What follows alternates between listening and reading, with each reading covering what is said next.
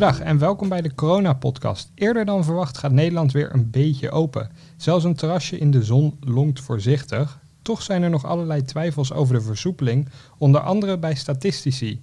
Over de rol van de statistiek in, in de strijd tegen het coronavirus spreek ik met Joppe Gloerig, kennisredacteur van Elsevier Weekblad. Welkom in de podcast. Dankjewel. En ook is natuurlijk aangeschoven over de versoepeling van de maatregelen en de onderbouwing daarvan gezondheidsredacteur Marieke ten Katen. Welkom in de podcast. Dankjewel. In april kregen we te horen dat we nog uiterst voorzichtig moesten zijn. Zelfs basisscholen zouden pas na de meivakantie opengaan. En plots was het woensdagavond en stond daar premier Rutte samen met minister van Volksgezondheid Hugo de Jonge met een heel stappenplan als het ware. Er gaat een hoop veranderen. Hebben we nu opeens een beter vooruitzicht, Marieke? Nou, ik denk dat het vooral een beetje de maatschappelijke druk is geweest die, die er was om, om een soort stappenplan te krijgen. Ehm, je, je zag dat in heel veel andere landen allemaal versoepelingen waren ehm, en, en dat ook Nederlanders daarop zaten te wachten. Hoewel je, nou ja, andere landen waren gewoon wat strikter in, in de lockdown dan dat wij dat waren. Dus die versoepelingen wil niet zeggen dat zij uh, op ons voorliepen, zeg maar. Maar je merkte wel dat er um, nou ja, gewoon behoefte was vanuit de samenleving aan, aan een soort vooruitzicht van oké, hoe, hoe gaat de komende tijd eruit zien? Dus, dus dat is vooral de, de aanleiding, denk ik, geweest om dat stappenplan te maken. En natuurlijk zijn de, de cijfers in de ziekenhuizen, zie je ook wel duidelijk een daling. En, en uh, nou ja, er is ook wel reden om na te denken over versoepeling. Uh, maar ik denk dat het met name de druk was die, die uh, het stappenplan zo, zo um, hoe zeg je dat, zo uitgebreid heeft gemaakt. Joppe, kijk jij ook naar het buitenland als uh, maatstaf voor wat wij hier in Nederland doen? Niet per se. Ik, uh, het is volgens mij ook vooral maatschappelijke druk, inderdaad ook in Nederland geweest, die ervoor heeft gezorgd dat het kabinet um, wat heeft willen doen, wat heeft willen uh, versoepelen. Ook omdat je als kabinet, um, denk ik, een beetje wel meebewegen met de stemming in het land, zodat je niet te ver af komt te staan van nou ja, hoe men zelf denkt dat het, dat het gaat. Anders, anders blijft dat schuren. Ondanks die stemming in het land is toch een van de redenen of argumenten die premier Rutte aanvoerde de stand in de zorg. Marike, kan jij ons meenemen hoe het er nu precies voor staat in de ziekenhuizen in de strijd tegen het coronavirus? Ja, nou, je, je ziet dat er nog steeds uh, toch wel enkele honderden patiënten op de, op de IC liggen, coronapatiënten. Um, uh, maar ondertussen start de reguliere zorg, die, die stil was komen te vallen, wel weer op. Uh, dus, dus de ruimte die er bijvoorbeeld op de IC's is, die is hard nodig om allerlei operaties in te halen die, die afgelopen maanden zijn uitgesteld. Um, dus dus je, je kunt heel optimistisch worden, denk ik, van die, van die cijfers die, die je daar ziet. Maar uh, ja, je moet niet vergeten dat, dat dat ook nodig is om, om dus andere patiënten weer te kunnen helpen. Uh, plus dat je toch ook, nou ja, er wordt heel veel gekeken naar die IC-cijfers. Um, ja, en je wilt toch eigenlijk voorkomen dat mensen op de IC komen. Um, dus, dus het is fijn dat die capaciteit er is en dat je, dat je die patiënten uh, hulp kunt bieden als zij dat nodig hebben. Uh, maar eigenlijk zou je willen voorkomen dat die mensen zo ernstig ziek worden dat ze, dat ze op de IC moeten, uh, moeten liggen een tijd. Dus dat, ja, dat, het zijn optimistische cijfers, maar, maar je, je moet wel een beetje de context erbij blijven zien. Dat, dat een verblijf op de IC gewoon niet, geen pretje is. In zijn presentatie gaf Rutte ook heel veel context samen met minister De Jonge. Laten we even luisteren naar hoe ze het routeplan precies presenteerden. Zeker in de ziekenhuizen ontwikkelen de cijfers zich nu al een paar weken in gunstige richting. Dit is de fase waarin we de overgang moeten maken naar die anderhalve meter samenleving. En om dat virus onder controle te houden, om in control te blijven, zullen we het weer samen moeten doen. Vanaf 11 mei kunnen we dus weer naar de kapper en de terrassen gaan misschien zelfs op 1 juni weer open. Kijken jullie daar ontzettend naar uit uh, om weer eens naar de kapper te gaan? Nou, de kapper staat niet echt bovenaan mijn, uh, mijn lijstje. Ik ben heel blij dat we binnenkort ook als volwassenen weer mogen gaan voetballen bijvoorbeeld. Uh, dat, dat, wielrennen, andere sporten die je goed in je eentje kunt doen, die mochten wel. Um, maar dat uh, sporten wordt pas echt leuk, wat mij betreft, zodra er een bal in de buurt komt. Dus uh, ik ben heel blij met dat vooruitzicht. Ja. En Marike, kijk jij naar iets specifieks uit? Nou ja, met het lekkere weer is natuurlijk, uh, moet ik gelijk denken aan terrasjes. Um, hoewel ik zelf een heel fijn balkon heb, dus, dus een biertje in de zon, dat is me nog wel gelukt de afgelopen weken. Maar uh, nou ja, je, je mist toch wel uh, gewoon even lekker op een terras ergens zitten en, en een koud biertje doen. Dat, dat is toch wel fijn. Nou viel het mij op dat Jaap van Dissel, onderdeel van het OMT, het, het Outbreak Management Team, dat belangrijke adviezen heeft aan het kabinet, in de, in de Tweede Kamer erkende dat hij nog geen advies had gegeven over die opening van de terrassen. Waar zit hem dat dan precies in dat het kabinet dat toch presenteerde? Nou ja, het is. Uh, kijk, kijk, wetenschappers die, die proberen een beetje inzicht te krijgen in wat het effect is van verschillende maatregelen. En, en het is gewoon een compleet nieuwe situatie. Dus bijvoorbeeld het openen van de, van de terrassen. Uh, ja, dan, dan kun je de stoeltjes netjes anderhalve meter uit elkaar zetten en, en daar een hele platte grond voor maken als, als restauranteigenaar. Maar uh, als er mensen tien bier op hebben, om maar wat te noemen, dan, dan is het misschien wat moeilijker om die anderhalve meter in te schatten. Um, en dat soort uh, effecten, daar moet je ook wel rekening mee houden. Dus dat is een beetje de terughoudendheid, denk ik, bij het OMT onder andere. Van ja, we, we weten gewoon niet zeker wat, wat het effect van die maatregelen gaat zijn. Want je, je kunt dan niet alleen kijken naar, oké, is er genoeg ruimte om zo'n terras in te richten, maar ook hoe gaan mensen daarop reageren en wat, wat veroorzaakt dat ook weer voor verkeer? Uh, gaan mensen met het openbaar vervoer naar een terras? Ik noem maar wat. Uh, dus dat is denk ik een beetje de terughoudendheid bij het OMT. Uh, en juist vanuit uh, het kabinet is er natuurlijk de zoektocht naar, oké, wat waar, waar, zien we mogelijkheden? En ja, de, de terrassen is dan misschien wel een van de eerste dingen waar je aan denkt, want het is in de buitenlucht en, en je kunt mensen netjes uit elkaar zetten. Laat het kabinet dan het OMT een beetje los? Loopt het kabinet vooruit op het OMT? Nou ja, het OMT is natuurlijk ook gewoon, die, die geven eigenlijk alleen maar advies. Uh, en, en dat is de afgelopen tijd wel, wel enorm goed opgevolgd. Maar het, het blijft uiteindelijk het kabinet wat een knoop doorhakt. Uh, en ja, die luisteren ook, wat, wat Joppe net al zegt, van die, die luisteren ook naar wat er in de samenleving gebeurt en waar mensen in de samenleving behoefte aan hebben. En ja, je kunt je voorstellen met, uh, met een warme zomeropkomst dat, dat mensen toch wel bijvoorbeeld behoefte hebben aan een terras wat open is. Um, ja, dat, dat zijn dingen waar het OMT misschien niet over na hoeft te denken, maar waar het kabinet wel, wel iets mee moet en iets mee wil.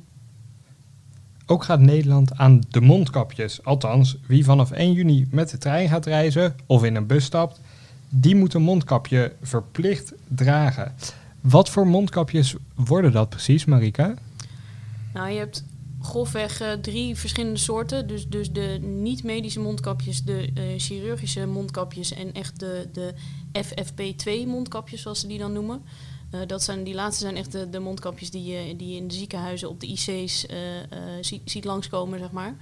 Um, die, die beschermen gewoon heel goed. Die beschermen ook de persoon die het draagt, beschermen ze voor, voor eventuele virusdeeltjes. En bij die andere mondkapjes is het eigenlijk voornamelijk dat je, stel dat jij niest, dat die druppels tegen worden gehouden door, door dat mondkapje. En um, voor in, het, in uh, het openbaar vervoer is dus het advies om, om uh, zo'n niet-medisch mondkapje uh, te, te gaan dragen. Omdat die medische mondkapjes eigenlijk allemaal heel hard nodig zijn op andere plekken. Maar heeft zo'n niet-medisch mondkapje, wat we dan in de trein moeten gaan dragen, heeft dat dan wel effect tegen de verspreiding van het virus? Nou, daar is een enorme discussie over tussen, tussen wetenschappers. En um, er, is gewoon geen uh, heel erg overtuigend bewijs uh, dat het een enorme um, remmende factor heeft, zeg maar. Uh, en het houdt natuurlijk enigszins druppels tegen. Ik bedoel, je kan je er alles bij voorstellen dat als je een lapje voor je mond hebt, dat, het, dat je als je niest, dat het minder ver verspreidt dan dat het normaal zou doen. Maar er, kleven ook wat nadelen aan. Nou ja, bijvoorbeeld die niet-medische mondkapjes, die, die zijn niet allemaal even goed, niet, niet van hetzelfde materiaal gemaakt. Dus het kan zomaar zijn dat daar druppeltjes doorheen kunnen komen. Um, en ook uh, op het moment dat je zo'n zo'n uh, masker niet goed afdoet, dan, dan bestaat de kans dat er toch weer virusdeeltjes aan je hand komen. En als je dat dan vervolgens ergens anders aan smeert, dan, dan um, nou, is, bestaat er toch een risico dat het, dat het virus zich weer verspreidt. Dus dat is een beetje de terughoudendheid die er onder andere bij, bij Jaap van Dissel is. Van ja, het draagt heel weinig bij, vermoedelijk. Uh, plus dat het nogal wat risico's met zich meebrengt.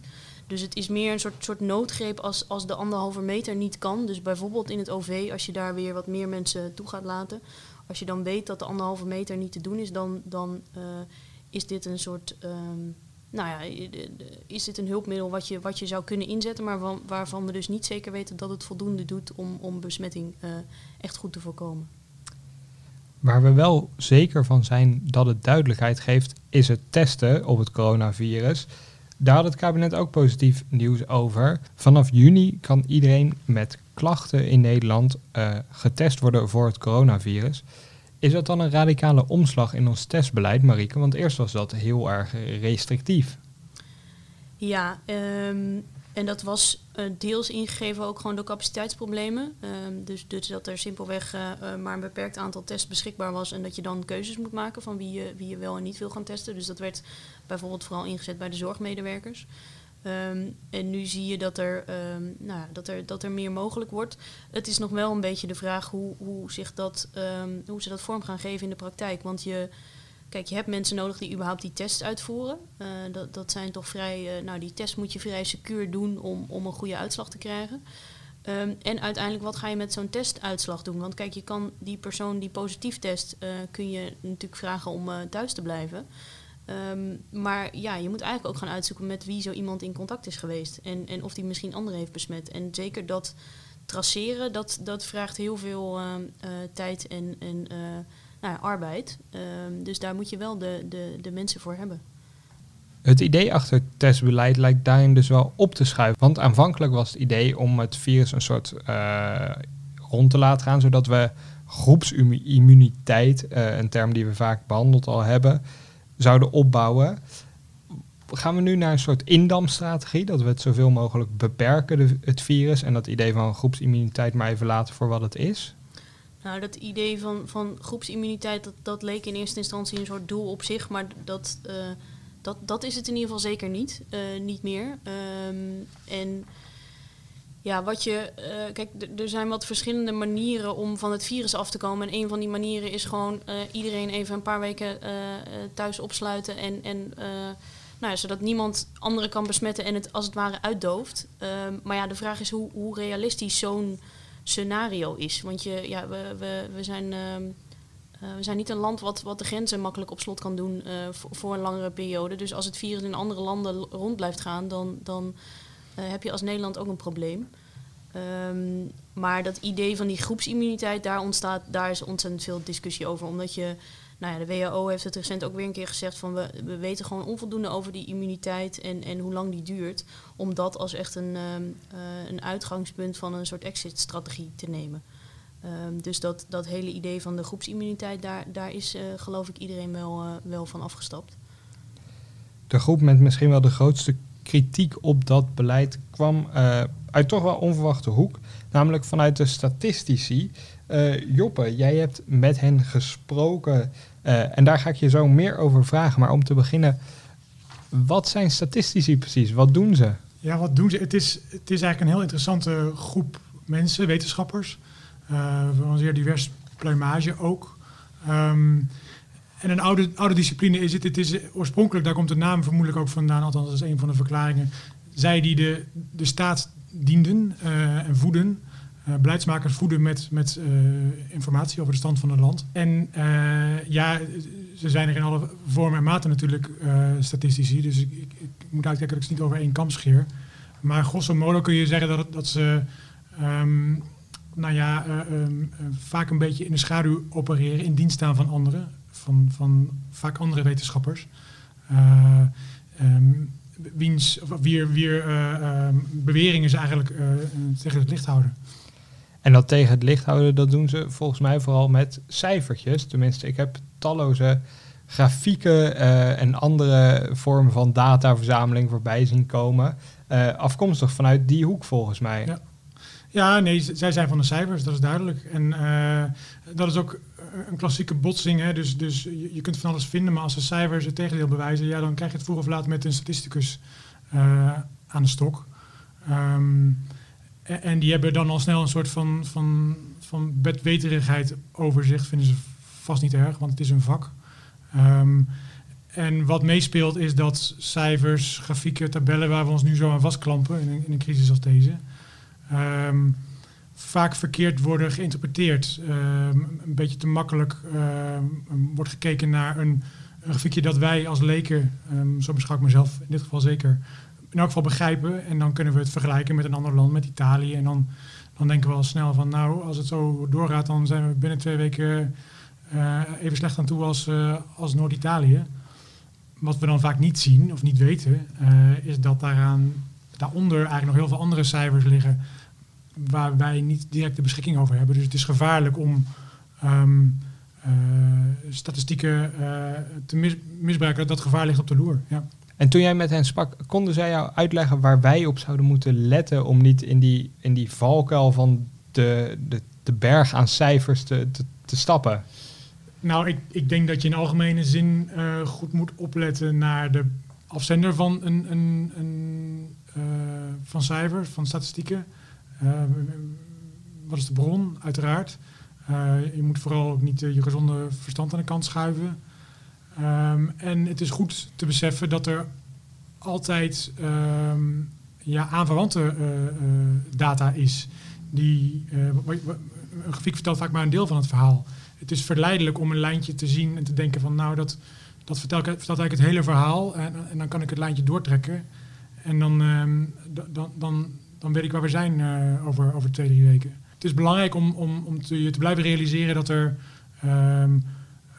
nog altijd heel veel uh, ja, informatie onder ligt die je bijvoorbeeld uh, wel ziet als je de briefings van ja, Van Dissel aan de Tweede Kamer volgt. Daar zie je plots hoe goed het RIVM bijvoorbeeld gebruik kan maken van data uit andere landen. Hoe, hoeveel zij eigenlijk weten, bijvoorbeeld bij het in kaart brengen van kwetsbare groepen in Nederland. Kijk, zij kunnen zien um, wie er vorig jaar allemaal een griepprik hebben gehad. Dat vertelt ons iets over hoe groot die groep kwetsbaren is ik zie dat niet als ik alleen maar een staatje zie met um, uh, zo is de bevolking demografisch opgebouwd, zoveel 70-plussers hebben we.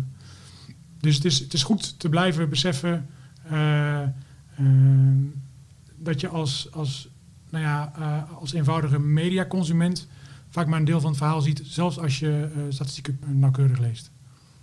Een bekende statisticus uh, werd, is Bert Slachter geworden. Hij uh, plaatste eerst op Twitter zijn bevindingen en gaf zijn mening over het kabinetsbeleid. Uh, en kon uiteindelijk ook aanschuiven bij Talkshow op 1, waarin hij zijn standpunt uitlegt en vooral zijn kritiek op de versoepeling van het kabinet. Ja, dat is een wankel evenwicht. Ga je te ver, dan krijg je exponentiële groei en anders exponentiële krimp. En we zijn er heel bijna. Hè. Het is maar een aantal verdubbelingen. En het lijkt net alsof we in het zicht van de haven het nu laten wegglippen. Net niet gehaald. En nu zitten we op maar een paar verdubbelingen af van weer volle IC's. Slachter gaat uit van een principe van exponentiële groei en exponentiële daling. Zelf was ik al blij met een 5,5 voor mijn wiskunde vroeger op de middelbare school. Joppe, kan jij me uitleggen wat dat precies inhoudt, die exponentiële groei? Ja, nou, ik had zelf ook geen 9 voor wiskunde. Uh, dus ik moet niet overmoedig worden.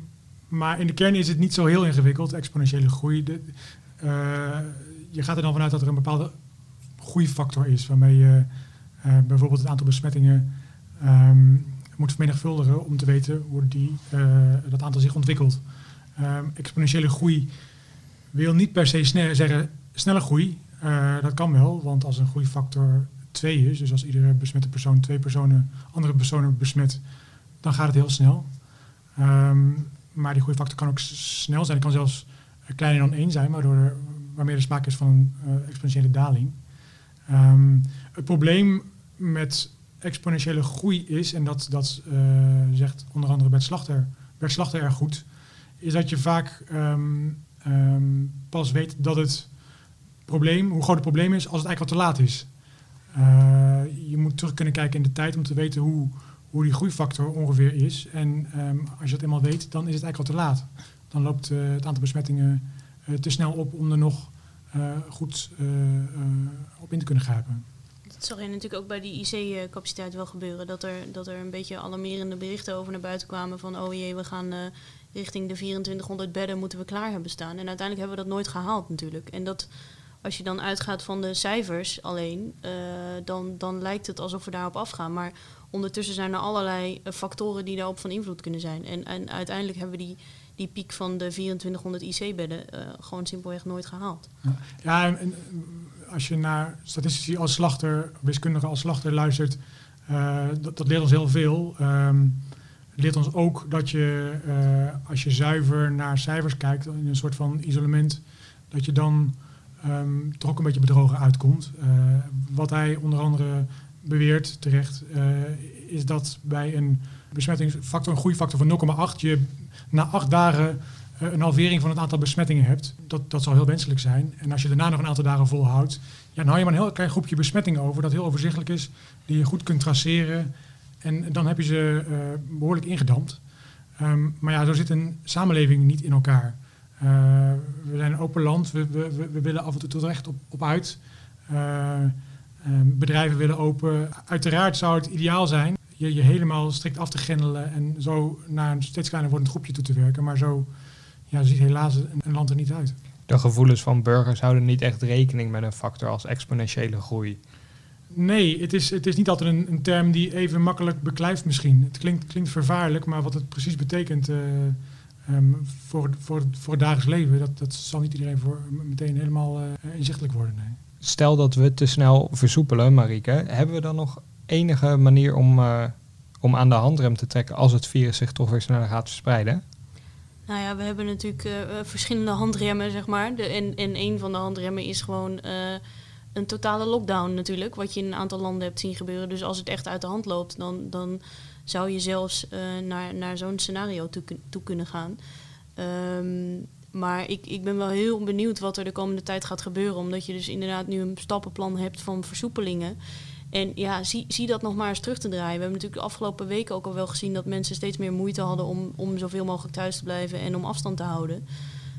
Um, ja, uh, je, je vraagt wel wat van mensen en, en je geeft ze nu weer uh, uh, nou ja, iets terug. Eh, maar het kan zomaar zijn dat je dat, dat je dat op een gegeven moment weer terug moet draaien. En de vraag is dan hoe, hoe enthousiast mensen dat soort ehm, maatregelen gaan opvolgen. En, en de vraag is, welke maatregel ga je dan weer, welke versoepeling ja. ga je weer terugdraaien? Ja. Uh, ja. Er zal misschien ook wel een zekere volgordelijkheid in zitten, maar uh, ik, ik, zou het nu nog niet durven zeggen. Nee, en dat is de discussie die je natuurlijk nu ook al ziet ontstaan met bijvoorbeeld de sportscholen die pas vanaf 1 september open mogen. Um, dat je, nou ja, dat dat een beetje de vraag komt van, hadden die terrassen nou wel uh, voorrang moeten krijgen op bijvoorbeeld de sportscholen? Ja, dat zijn gewoon allemaal. Um, uh, er worden wat keuzes gemaakt. En ja, iemand moet een keer die knoop doorhakken. En daar zal niet heel Nederland het mee eens zijn. Um, maar ja, dat, zijn wel uh, keuzes die, die je moet maken. En dat zijn niet altijd. Je kunt ze niet altijd even goed onderbouwen, denk ik. Want, want uh, nou ja, bijvoorbeeld die sportscholen, die waren al helemaal klaar om, om weer open te gaan en netjes aan alle hygiënemaatregelen te houden. maar ja, de restaurants ook, om maar wat te noemen. Dus, dus ja, welke van de twee krijgt dan voorrang? Dat, dat, ja, dat zijn moeilijke, moeilijke afwegingen, denk ik. Ja, in eerdere persconferenties sprak uh, Rutte over een duivels dilemma.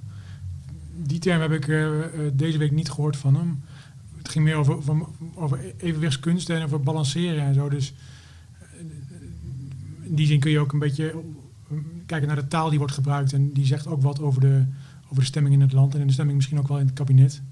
Het, het, het klinkt iets minder alarmistisch, maar nog altijd hoor je termen als op, op de achteruitkijkspiegel varen en uh, sturen en, en, en, varen op zicht en zo. En ja, dat, dat is nog altijd niet per se heel.